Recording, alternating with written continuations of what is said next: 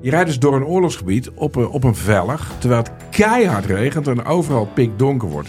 Nee, we durven niet te stoppen. En eh, ja, eh, Joep is nooit bang. Joep Vermans, de kamerman, die was nu ook echt bang. Via podimo.nl slash gonzo luister je de eerste 30 dagen gratis naar Podimo. podimo.nl slash gonzo.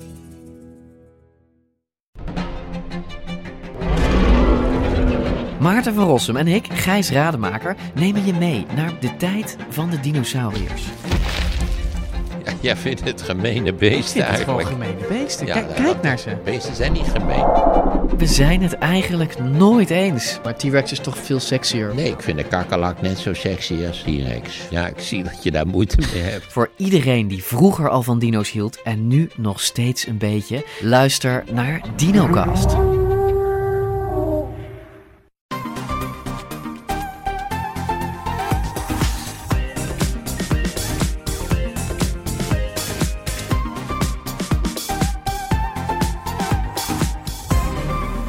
Welkom bij de Breit podcast van donderdag 17 februari voor de Trending Topics in Tech.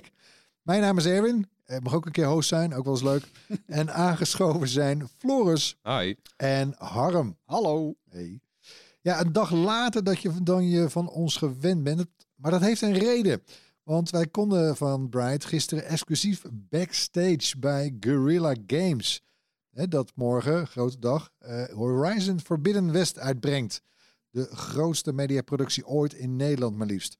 Er is veel over te bespreken. We houden het zo goed mogelijk spoilerfree. Ja. Dus we gaan snel beginnen.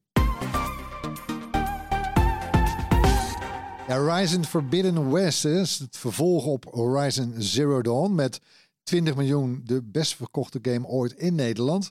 En een van de grootste successen op de PlayStation. Floris Harm, jullie waren daar gisteren eh, bij Guerrilla Games in Amsterdam op bezoek.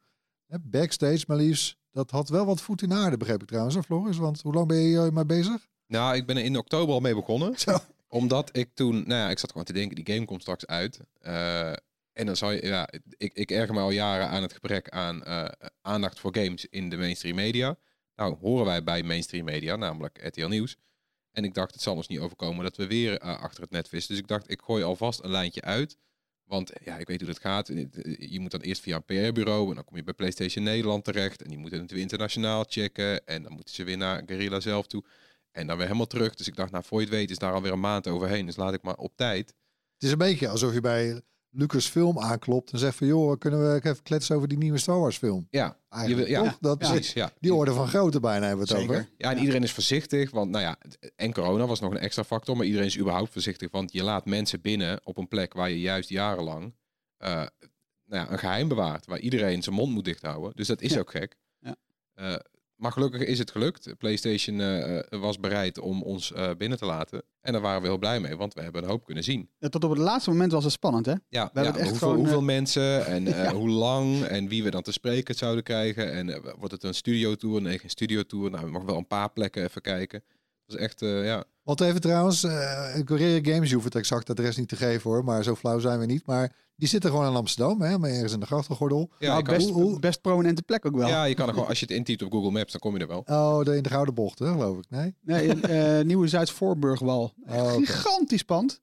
Eh, wat zat er nou ook eerst in? Iets van een bank? Eh, de Telegraaf. Oh, En de een bank. Telegraaf. Ja. Nou, je, je kent het wel van de chocoladeletters. Eh, En hoe, hoe was dat? Was het, eh, wat we, hè, struiken je daar over de pizzadozen? Of was het helemaal super slik? Of eh, hoe was dat eigenlijk daar? ja, gloednieuw pand, want ze zitten er net in eigenlijk. Eh, ook toevallig allemaal, corona kwam er ook weer tussen voor hun, maar ze zijn gewoon vrij rap gegroeid. Eh, volgens mij de afgelopen tien jaar twee keer moeten verhuizen, omdat ze steeds te groot werden voor het pand waar ze zaten. Eerst staat ze Herengracht volgens mij, eh, een paar van die panden aan elkaar ge- geknoopt, weet je hoe dat daar gaat. Eh, nou ja, dit is een groot nieuw pand, echt toegespitst op ontwikkeling. Merkten we ook, weet je wel, ze hebben echt verdiepingen waar dan een bepaalde afdeling zit. En dan ja, de Ja. volgende afdeling verdieping hoger. Ruim opgezet, mooi, alles nieuw. Ja, lekker, lekkere, Cool, lekkere cool. werkplek. Nou, Nee, wel- want, want Guerrilla Games trouwens, hè, we gaan niet de hele geschiedenis behandelen hoor, maar hebben natuurlijk een beetje een naam gemaakt met Killzone, hè, die, eh, Ja. die actiegames. eh, daarmee hebben ze dus ook in de kijkers van Sony gespeeld. Die heeft, hè, die heeft eh, de studio overgenomen. ja, 2005 was dat, ja. En, en eh, hè, eh, de eerste Horizon game eh, was ook eh, PlayStation only. Ja. En een groot succes dus. Ja. Ja, ja, 20 miljoen. Echt een bizar aantal, Ja. hè? Het is, moet het wel is zeggen, grappig. hij is, eh, na de hand is hij ook nog voor de PC uitgekomen. Daar is Sony mee begonnen een tijdje terug. Om, om om een paar jaar na de release van grote games brengen ze ook voor de PC uit. Is wel slim, denk ik.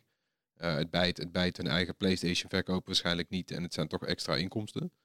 Eh, dus dat is nog een voetnootje. Maar inderdaad, het zijn, het, nou ja, first and foremost gewoon PlayStation titels. Ja. Want Guerrilla is daarmee ook een van de grotere studio's in de Sony-familie. hè? Daar Ja, kan ja. je wel zeggen, toch? Ja, en als je, als je kijkt naar studio's wereldwijd, eh, dan, dan kun je het rekenen tot de top 20. Dat is een beetje wat gezegd wordt. De top 20 eh, ehm, eh, developers, daar zit Guerrilla zeker bij. Ja. Gewoon hier op de grachtengordel. Niks aan de hand. Nee, ja, want Hey, vorige- Floris. ja, Jij hebt, eh, jij hebt het spel alvast kunnen spelen? Ja. Damn, jaloers.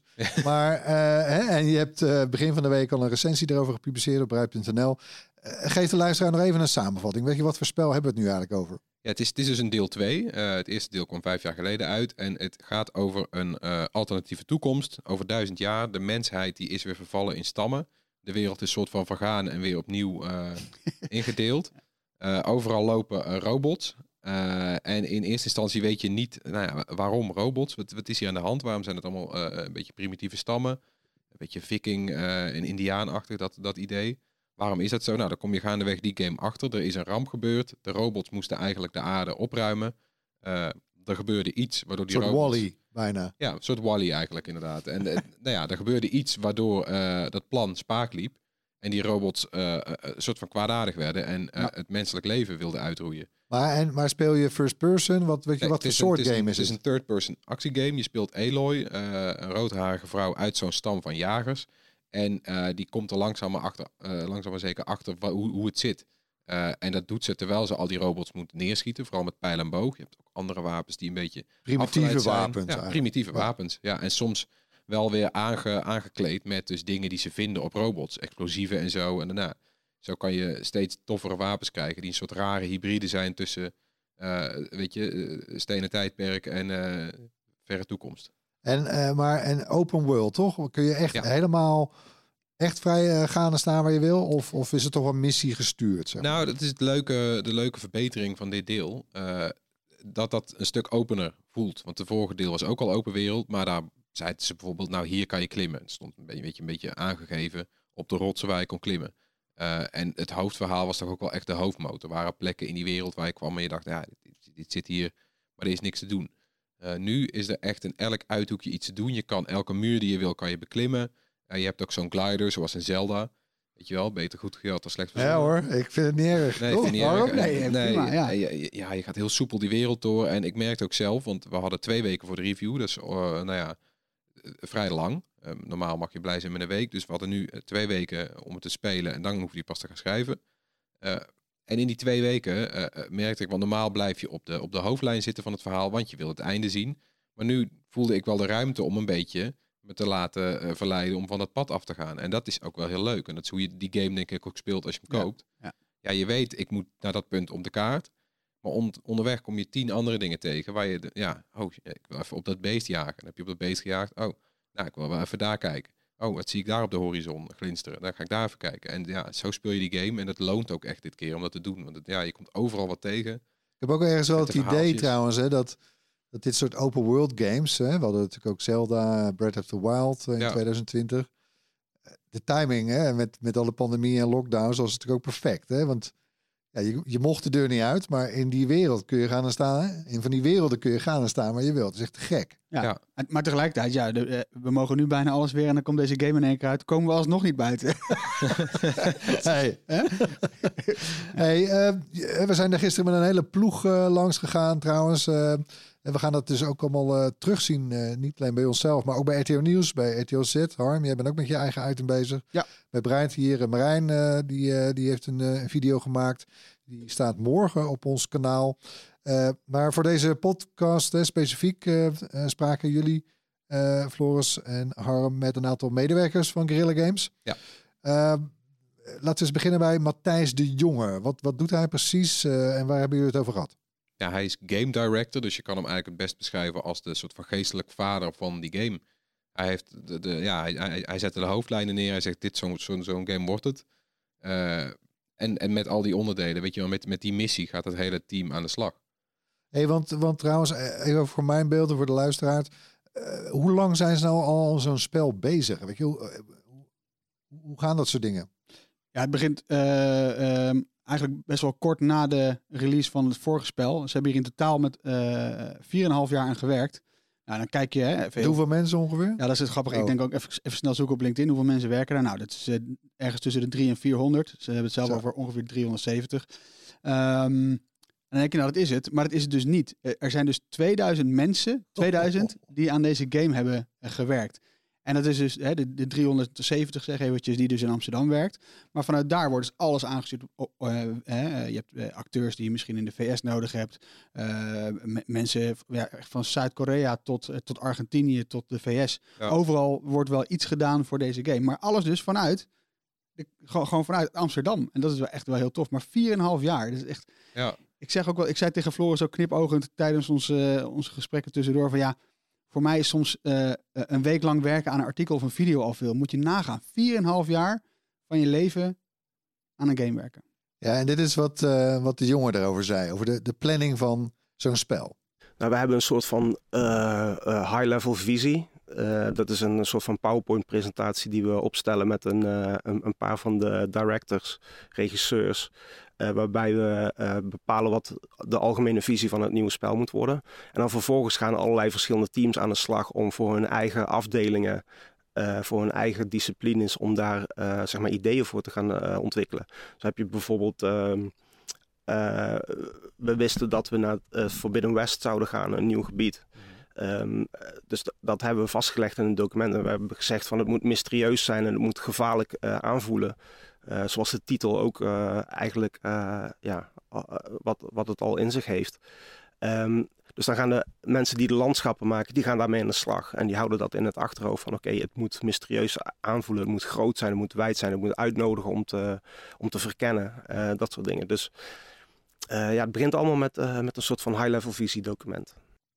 Ja, het is echt niet makkelijk. Je moet echt gewoon heel ver vooruit kijken en meteen aan de slag aan iets waarvan je eigenlijk op het begin niet eens per se weet hoe het, hoe het er op het eind uit gaat zien. Dus dat zijn best wel spannende tijden. Eh, en hij vertelt ook meer over hoe, het, eh, nou ja, hoe, hoe, hoe, dat begin precies in elkaar zit. we beginnen eigenlijk meteen al met het bouwen ook. Eh, zo gauw we weten wat het landschap, op, op welke plek in de wereld, in Noord-Amerika in dit geval, waar het zich afspeelt, gaan we die map gaan we gewoon bouwen. We zorgen dat dat speelbaar wordt. En ondertussen wordt het verhaal geschreven. En dan worden de, de eerste missies worden er eh, ook al ingescript, eh, ingeschreven. Maar dat gebeurt in een soort van skeletversie. Dus dan eh, zit er eigenlijk, ja, het is eigenlijk ontzettend lelijk zeg maar wat je speelt. Je moet heel veel verbeelding gebruiken. Maar je krijgt wel al een gevoel van, oké, het moet ongeveer zo groot worden. waar quests of waar bepaalde activiteiten, waar die moeten zitten om een goede verdeling te hebben.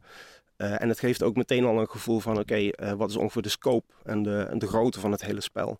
En als je dat hebt vastgelegd, dan kun je daar verder op gaan bouwen. Dus we beginnen eigenlijk al heel vroeg met dingen speelbaar maken. Nou, dat klinkt allemaal logisch, hè? Maar wat ook leuk is, we hebben het. eh, ehm, als je door dat bedrijf heen loopt, dan merk je toch dat ook iedereen die daar werkt toch wel bezig is met. Nou ja, die game komt echt bijna uit. Hè? Ik, Wat ze- vond, ik vind hem ook een beetje zenuwachtig klinken. Ja. Ja. trouwens. ja, ja. De spanning zit er goed op, De, toch? de spanning zit er echt goed op. Ja, en dat is het, het leuke. Dat merkte dus ook tijdens die rond, eh, eh, nou ja, eh, tijdens die tour door het bedrijf heen, wat geen tour was. Ehm, op een gegeven moment was Marijn met, met, een, met iemand in gesprek en ik werd aangesproken, aangesproken door een developer. En die vraagt me, ja, heb je de game gespeeld? Ja, ik heb de game al wel even kunnen aanraken. Niet heel veel, want ja, weinig tijd. Ja, wat vond je ervan? Maar echt met, met, met een twinkeling in zijn ogen, Ja. op een puntje van je stoel gaat hij zitten. Nou, dan vertel maar, kom op. Ja, ik, ik vind het heel knap wat jullie hebben gemaakt. Nou, ik heb echt oprecht nog echt lang niet iemand blij kunnen maken met Ja. één zinnetje. Ja. Het was zo ongelooflijk lief Ja, ik had hetzelfde. Ja, ja ik ook. eh, want eh, ja, ze, ze zeiden ook dan gewoon van ja, Floris heeft hem al helemaal eh, kunnen spelen. Ja. Oh ja, oh ja, en wat vond je ervan? Ja, ook Ja, echt- cool, echt hè? aan een paar mensen moeten vertellen wat ik vet vond allemaal. En dat waren dan ook mensen die zeiden van ja, ik heb dit, eh, dit, dit onderdeel gedaan. Oh ja, dat vond ik heel vet. Ja, hier Matthijs nog even. Ja, ik denk eh, vooral in de laatste paar weken dat, het, eh, dat er een emba- embargo was op de, op de reviews. Dat zijn eigenlijk de zwaarste weken.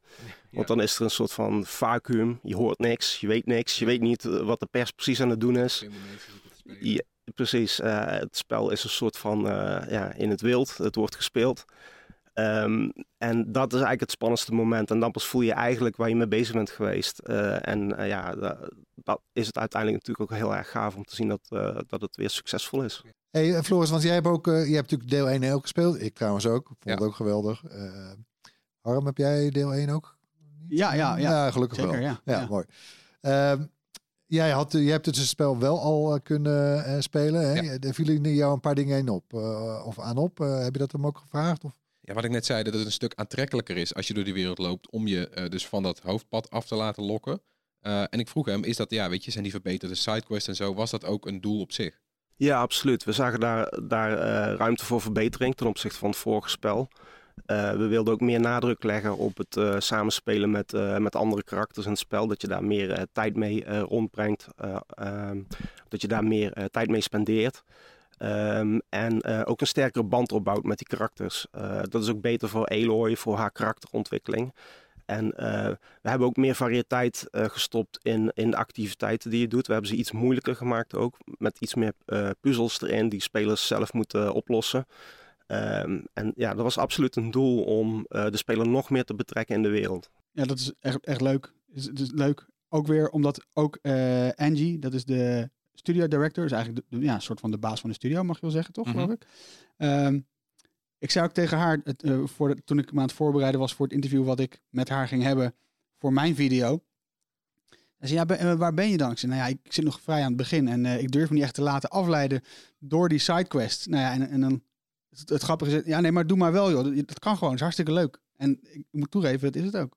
Hey, die eh, deel 1 die kenmerkte zich natuurlijk ook door, door die bijzondere robotdieren die in het spel zitten. Met eh, ook zo'n hele grote langnek met zo'n schotel bovenop. eh Ja. Bijna een iconisch beeld natuurlijk. Ja. Net een eh, Lego eh, set is dat Ja. al verschenen. Ja, ga je hem kopen? vet? Ik ga hem wel kopen. Ja, Ja, die zal wel er duur zijn. Hè? Ik Denk, die, die, die hele zwarte doos die is wel heel duur hè, Ja, van dat Lego. zijn vrij, vrij prijzige dingen. Maar het ziet er wel heel tof uit. Dus ja. Ja. nou ja. Maar pas later dit jaar geloof ik, hè? Ja. ja.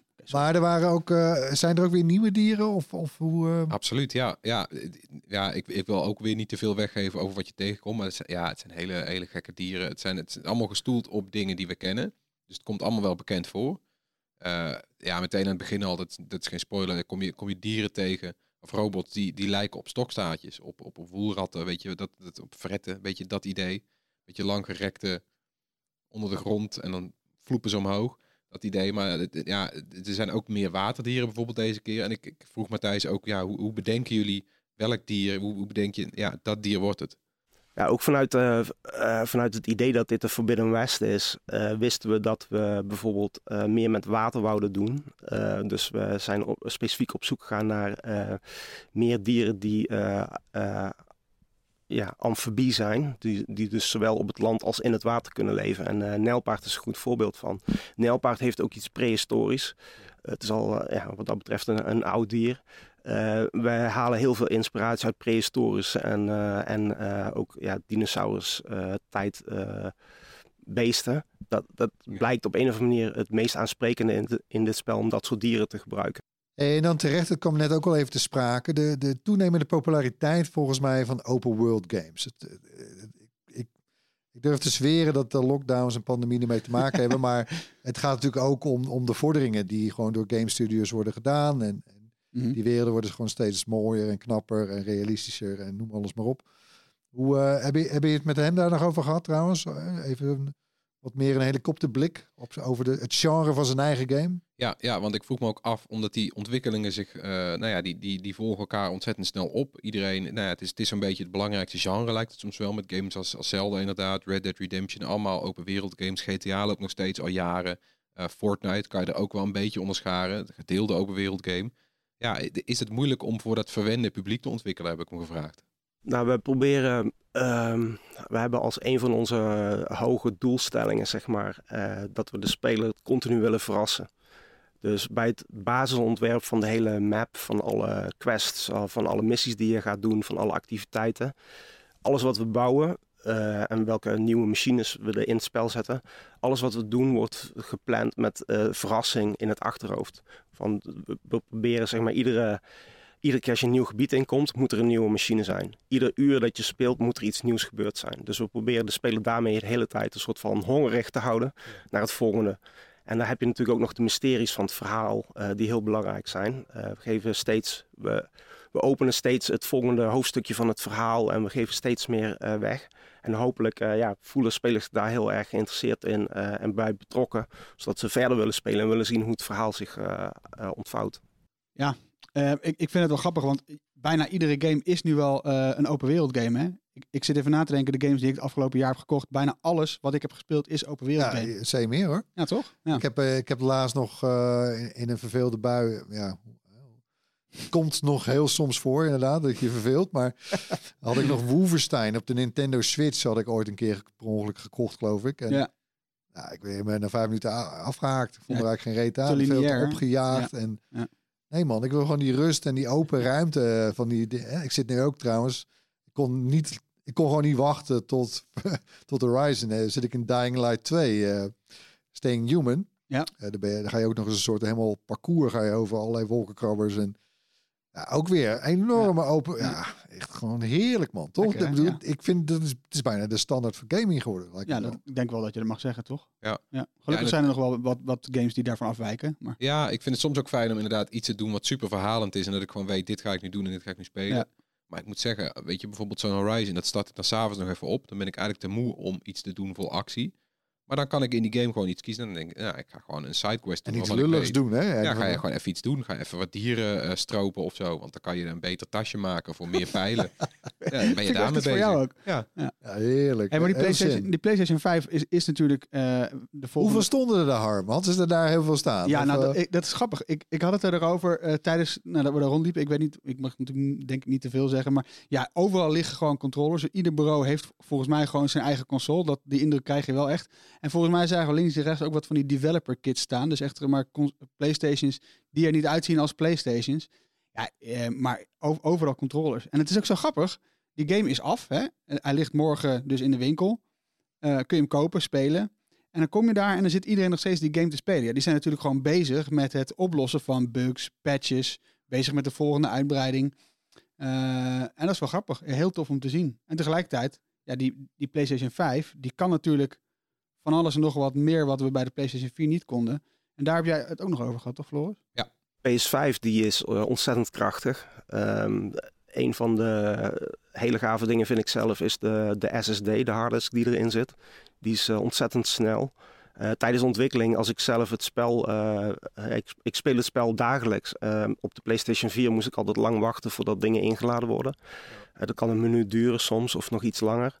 Bij de PlayStation 5 is het 4 seconden, 5 seconden. eh, en dan ben je er al. Dus de laadtijden bestaan eigenlijk niet meer. En dat zelfs voor ontwikkeling is dat heel fijn. Maar ja, voor spelers is het natuurlijk nog fijner. Want in een spel met zo'n grote open wereld heb je dingen als eh, fast travel. Dat je van de ene plek, van de ene kant van de kaart naar de andere kant kan reizen. Nou, die tijden zijn zo enorm verkort eh, dat het nu echt fast travel is. Het is nu echt snel tegenwoordig. Ja. Dus, ja. En het andere ding voor de PlayStation 5 denk ik wat gaaf is, is de nieuwe controller. Eh, de DualSense controller. Eh, daar zit eh, adaptieve feedback in en ook een soort feedback op de triggers, ehm, op de schouderknoppen. En wat we daarmee kunnen doen is dat we bijvoorbeeld de wapens, dit spel heeft heel veel nieuwe wapens en daarmee kunnen we ieder wapen eigenlijk een uniek gevoel geven. En dat is ook wel heel gaaf. Dat kon bij de PlayStation 4 kon dat niet. Ehm, dus ja, het, het gevoel van immersie is daardoor ook beter. Dus je voelt je nog meer betrokken bij het spel. Ja, tof. Ik, eh, ik, hoop, eh, ik hoop toch dat ik eens een keer eentje te pakken krijg, een PS5. Maar goed, Eh, dadelijk praten we verder over Horizon. We gaan eerst even door met het hoorspel. Ja, daarin laten we elke week een tech-geluid horen. En dit was het geluid van de afgelopen twee weken. Nou, daar was een hint voor nodig. Eh, maar ja, het was het geluid van de super van een Titan uit de game Destiny. Vandaar de hint vorige week. Ja, heel grappig. Hè? Die was Child. Child. Hè? Dus oh Destiny's jezus. Ja. Nou, hè, kom. Ja, flauw, hè? Ja, had ik zelf kunnen bedenken. Lekker. Ja. Maar goed, dat wist onder meer Ronnie Siloy. Dus gefeliciteerd Ronnie, dat braai t-shirt komt jouw kant op. En we hebben natuurlijk een nieuw geluid. Nou, we geven ook alvast één hint. Bekijk morgen onze video over Horizon Forbidden West op YouTube. Komt-ie. Als je denkt dat je weet wat het is, stuur dan je antwoord naar podcast.bright.nl. En onder de mensen die het juiste antwoord insturen, verloten we een Bright t-shirt. Mag ik nog wat zeggen? Hoe kwam je nou bij dit geluid van, van die super van de Titan uit Destiny? Eh, het ging in die week, hadden we het over Destiny, want eh, het gaat zo snel, maar Destiny, eh, of de ontwikkelaar van Destiny, Bungie, Oh, uiteraard, ja. is door ja. Sony overgenomen. Ja. En daar ging het even over, dus ik dacht, nou, ik, ik zocht er gelijk. Even bijblijven, hè, Harm? Ja. Doe maar die, dacht ik. Jongen, jongen, Zo jongen. simpel en ziel ben ik. Oké, gaan we terug naar Horizon Forbidden West. Eh, Floris, jij hebt ook nog iemand anders gesproken voor de podcast. Wie, Ja. eh, wie wat was de, wie, wat doet hij? Wat, vertel. Het is eh, Ben McCaw, dat is de narrative director. Dus eigenlijk een van de hoofdverantwoordelijken voor het verhaal. En ik vroeg hem of ze bij het verhaal van het eerste deel al rekening hielden met een eventueel vervolg. Want nou ja, da- da- daar kan je niet blind op varen. Je krijgt niet altijd meteen de oké voor twee games. En het eerste deel voelde netjes afgesloten. Eh, maar het tweede deel begint bijna meteen daarna. En het voelt ook heel logisch. Niet geforceerd van, oh, daar hebben ze wat nieuws bij bedacht, aangeplakt. Nee. Nee, niet zo van, we hadden eigenlijk niet op een sequel gerekend. Ja. En ik heb hem gevraagd, nou, hoe heb je dat aangepakt? So when we developed the story for the first game, we didn't, of course, know we'd get the chance to make a sequel. Uh, and uh, no one was more surprised or gratified when the game came out uh, at its sort of fan reaction. And we loved the fact that we got to have a sequel, but we still always thought of it as the beginning of a franchise. And that uh, approach definitely extended to the story. So we knew certain things about um, where we wanted to go in the Forbidden West. Um, and we also knew about some of the core mysteries of the franchise that go beyond what gets resolved in Zero Dawn.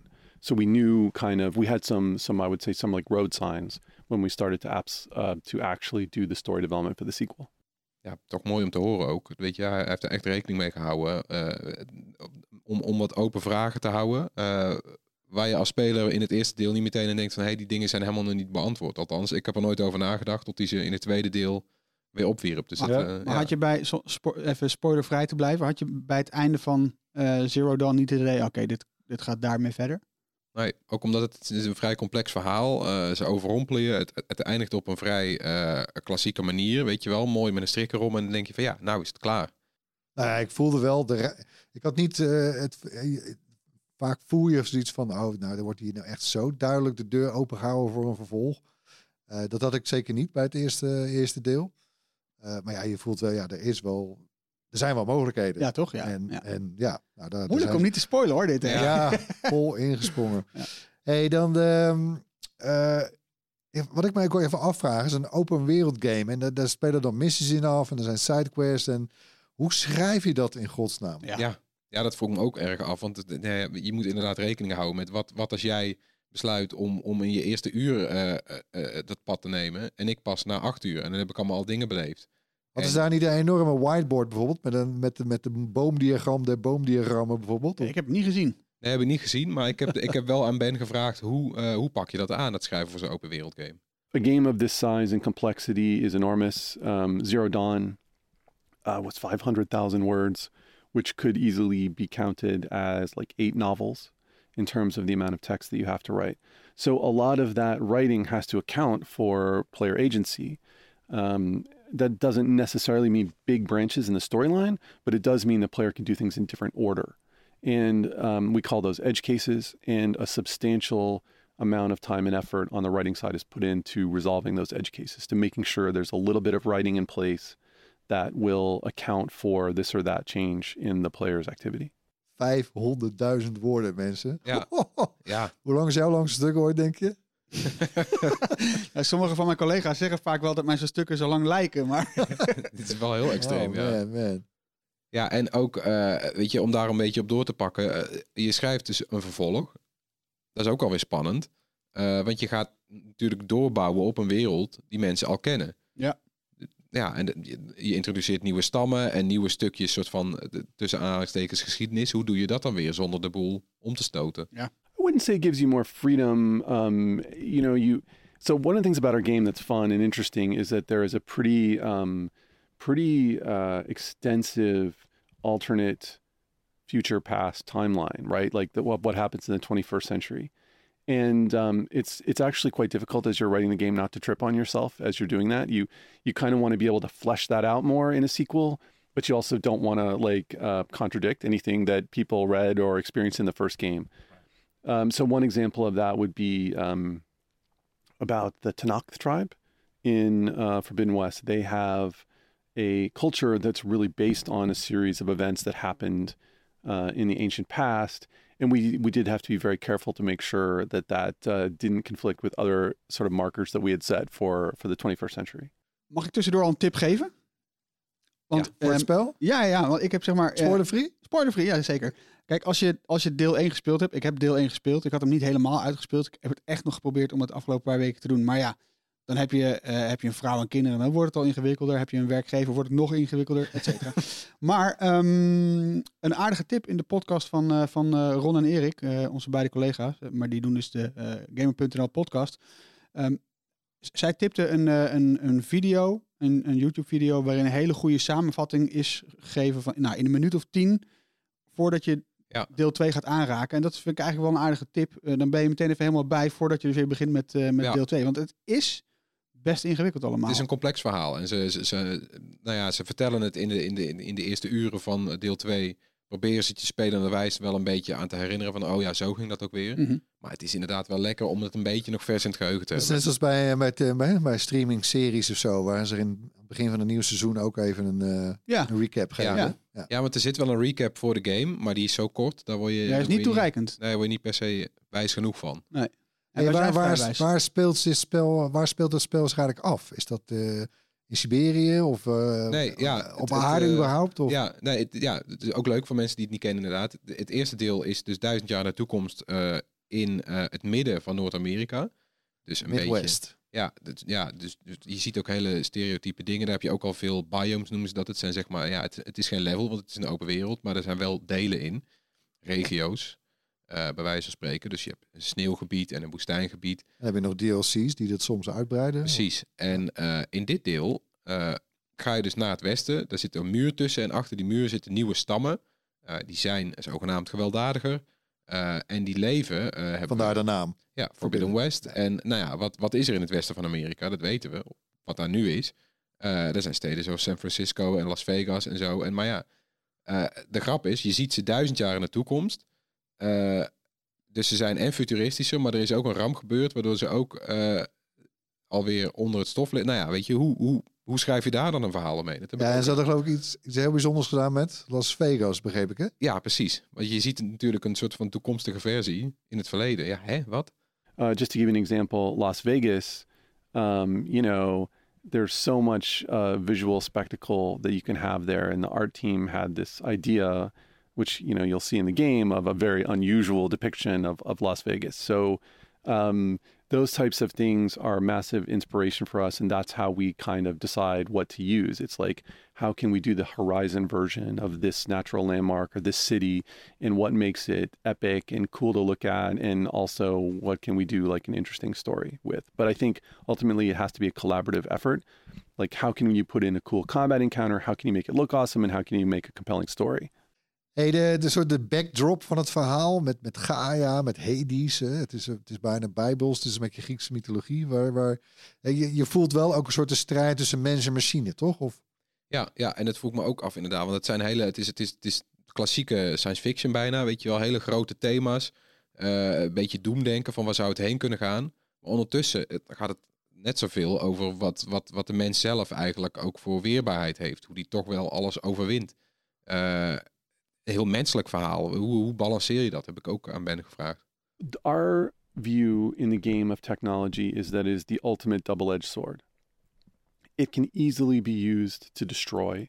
And, um, you know, uh, technology in the service of greed is a major theme in the game. Uh, but it can also be used to create and renew.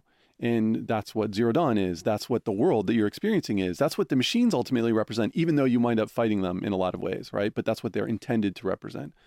So I think for us, it was just a matter of keeping that balance. We're never saying in the game that technology is bad. We're never actually saying that AI is bad. You know, Gaia is an AI, right?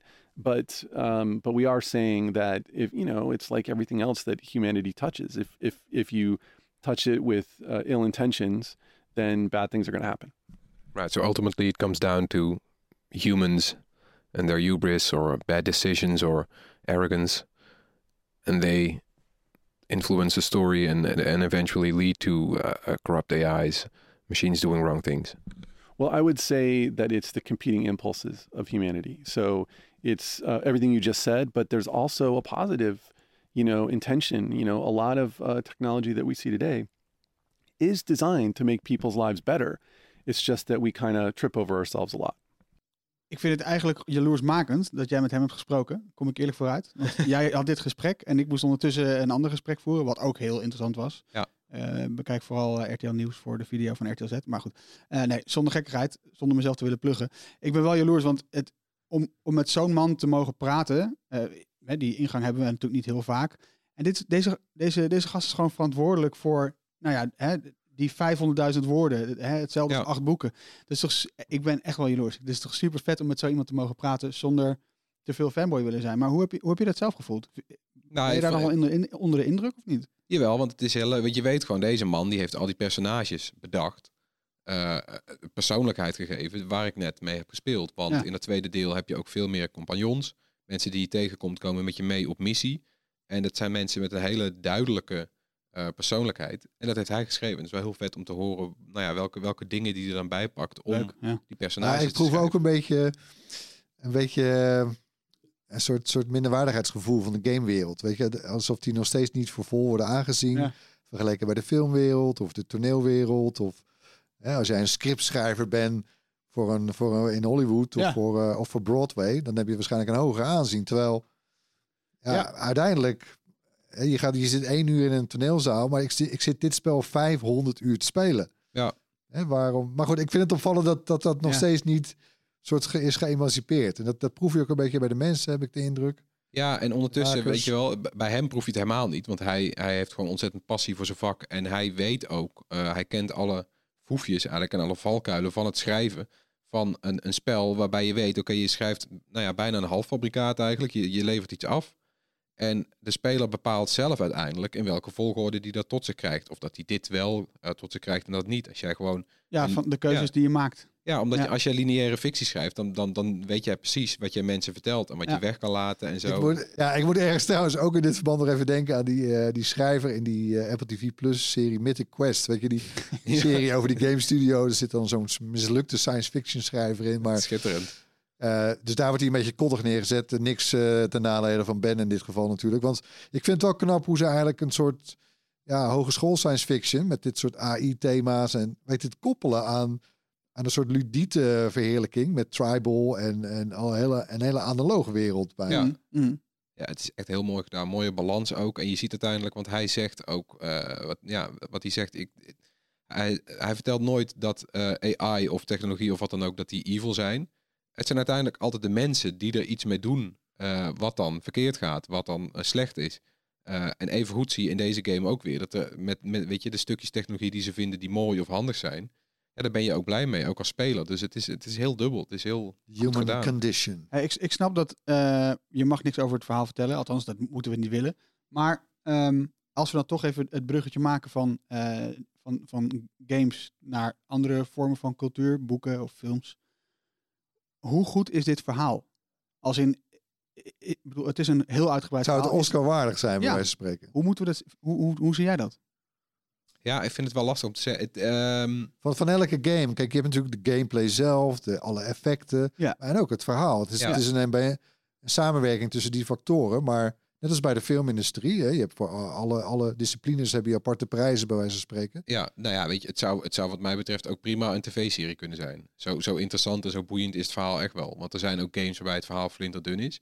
Hier is het verhaal best wel zwaar. Dat ligt ook een beetje aan hoeveel jij tot je neemt. Er liggen allemaal notities overal in die wereld. Die kan je lezen, die kan je overslaan. Als, je, maar, als je het afzet tegen bijvoorbeeld The Last of Us, deel 2. Hè, dat is toch Ja. een van de meest geroemde games, eh, qua verhaal ook. In Ja, geval. waar die wordt nu ook verfilmd bij HBO. Komt Ja. een serie van. Eh, zit hij een beetje op dat niveau? Of, of ja, op, op een andere manier denk ik. Dat is, eh Last of Us 2 is echt een heel emotioneel verhaal. Je, wat, ja, het is bij- bijna niet leuk meer om te spelen op het eind, weet je wel. Dan moet je echt doorheen werken. Eh, dit is juist het andere. Hier, hier word je steeds geprikkeld om van, oh, hoe zit het eigenlijk? Hier wil ik, ik wil nog meer weten. Ja, hoe, hoe, hoe- allemaal geheimpjes die je ontdekt steeds weer. Het is echt, het, ja, archeologisch verhaal is het. Je ontdekt een verhaal uit het verleden. En dat is wel heel leuk gedaan.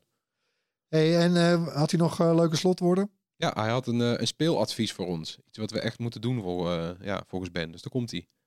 as as people set out to play the game, uh, just make sure to look into all of the different corners and nooks and crannies of the world. There's certain um, world activities that may start with a particular uh, story hook, uh, but you don't actually know where that's going. And we have some really nice payoffs uh, for players that really dig into the world, that, that explore, and really try to uh, to finish the activities.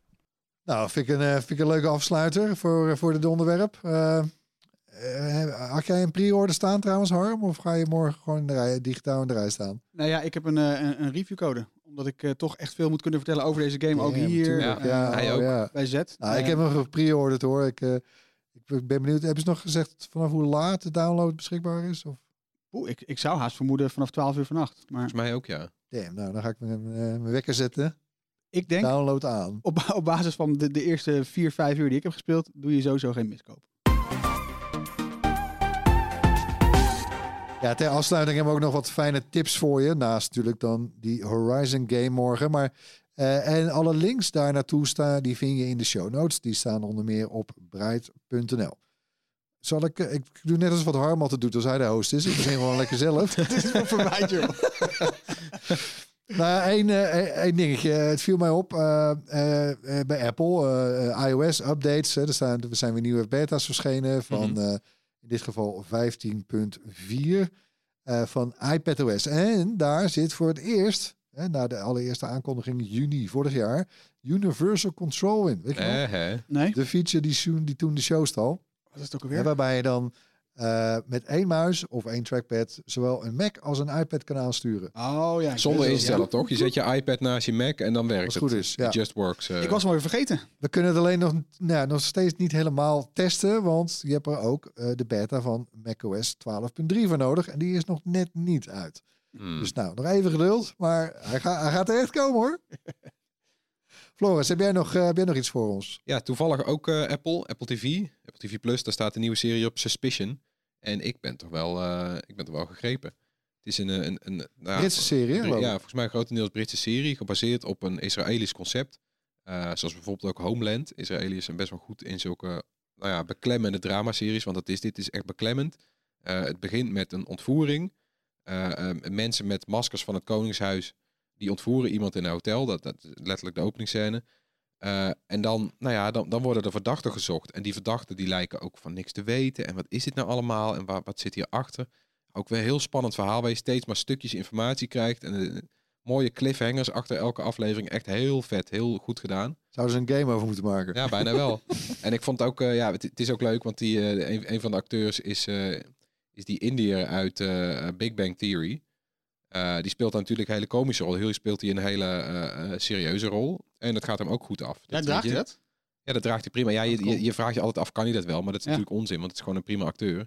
Tuurlijk kan hij dat, maar het is leuk om te zien. En de, de, de- ja, is- je hoeft ook helemaal geen omslag te maken in je hoofd. Je denkt niet, er komt, er komt zo weer zo'n lachband. Ja, maar niet iedereen kan dit, hè? Ik bedoel, als we even kijken naar, hoe heet die, Stifler van American Pie. Weet je ook weer? Sean William Scott. Ja, vooruit. Als je, die moet je echt geen serieus dat rol laten spelen. Dat, dat, dat trekt, dat, als je dat Nee, kijkt, dan trek je het zelf Jim, niet om naar te Jim, kijken. Jim Carrey en Robin Williams, die kan je wel... eh, ja, ja, precies. Ja. Oké, sorry. Ja.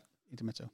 Ja, Oké, alright. Ja, maar Sus- Suspicion dus. Check het vooral. Ja, ik was na één aflevering al helemaal om. Dus het is niet zo'n serie waar je Ja, ik even voor moet eh, kijken. Ik volg hem ook. Ja. Leuk. Harm, wat heb jij? Ehm, Cyberpunk. Eh, en dan hoor je denken, oh leuk zeg, een oud spel. Maar, ehm, 2047. 2077. Eh, dat is niet de prijs trouwens. Ehm, ja, hij is, er is een patch. Er is een hele grote, belangrijke patch. Is namelijk, de patch? dit is de patch. Waarmee je dus ook gewoon op eh, next-gen consoles, hè, dus ehm, eh, PlayStation 5 en Xbox Series X en S, ehm, met next-gen graphics te spelen is. Dus eh, met raytracing, waardoor al het licht veel mooier wordt, et cetera. Bijna geen laadtijden. Ehm, eh, allemaal heel mooi. En die patch is nu uit. Maar mijn tip specifiek is, ga het dus checken. Want het is nu eigenlijk als consolebezitter pas de moeite waard. Ehm, Want dat, even, kijken, even, even terugdenken, dat was december 2020 hè, dat die verscheen. Ja. nou, Maar- eh, waarschijnlijk door allerlei druk en zo. eh, het spel was gewoon nog niet af. Nee, was gewoon nog niet af. En, dat En nu ze- wel? Ja, nu kun je eindelijk zeggen dat voor consolegebruikers is hij nu ook af en, en echt tof speelbaar. Ehm, Stel je dus voor, ze hebben die game gewoon anderhalf jaar te vroeg. ja, en, maar dat is ook best wel jammer, want Het is heel jammer. ik was echt hyped om die game. Eh, Gewoon het, he- het hele cyberpunk genre, zeg maar, is gewoon heel... Ook ja, weer open wereld, hè? Ook trouwens. weer open wereld. Maar is gewoon heel tof. Het Spreekt, spreekt echt tot de verbeelding. Moet je van houden. Maar ik vind het heel erg leuk. Ehm, maar tof wat ze nu hebben gedaan is... Hij is nu ook gratis speelbaar voor een x aantal uur. Ik zeg even uit mijn hoofd. Vijf uur. Dus als je nou denkt... Ja, eh, ik heb hem laten liggen. Ik durf het niet aan. Want al die, al die slechte verhalen over hoe, hoe vervelend het allemaal is. Bugger die was. Ga het gewoon proberen. Vijf Ja. uurtjes kun je gewoon gratis proberen op zowel Xbox Spreekt als wel van zelfvertrouwen. Ja. denk ik. Vind het ook wel goed, want ik weet je, nu zijn we ook weer in een game studio geweest. Het blijft gewoon mensenwerk en het is ontzettende, ja, dit is ontzettend een clusterfuck geworden destijds. Ja. Maar het blijft mensenwerk. Die mensen hebben nou anderhalf jaar nog gezwoegd. Ja. Dus beloon die moeite en check even of die game eh, nu wel tof is. Ja. Doe het voor de mensen. Doe het voor de mensen. En wat, wat leuk En is, makers. als je nou denkt van, ah, ik ga hem toch kopen, doe het dan eventjes voor 3 maart. Want hij is nu in de aanbieding voor 25 euro in plaats van de 50 euro Hmm. die hij al, al afgeprijsd was. Check. Dus voor 25 pik kun je geen... Wat een eh, gameaflevering, hè, dit, ja, we zitten er wel... eh, Heerlijk. maar voor de mensen die dat niet De trekken, lockdown is bijna voorbij. Waarom nog? blijf binnen. Ja, nee, bedankt weer voor het luisteren. We zijn er weer hoor. Eh, laat gerust ook iets van je horen. Eh mailen kan naar podcast.buiten.nl. En je vindt ons ook op all major platforms. En we spreken jullie weer eh, volgende week. Bye! Doei! Assel.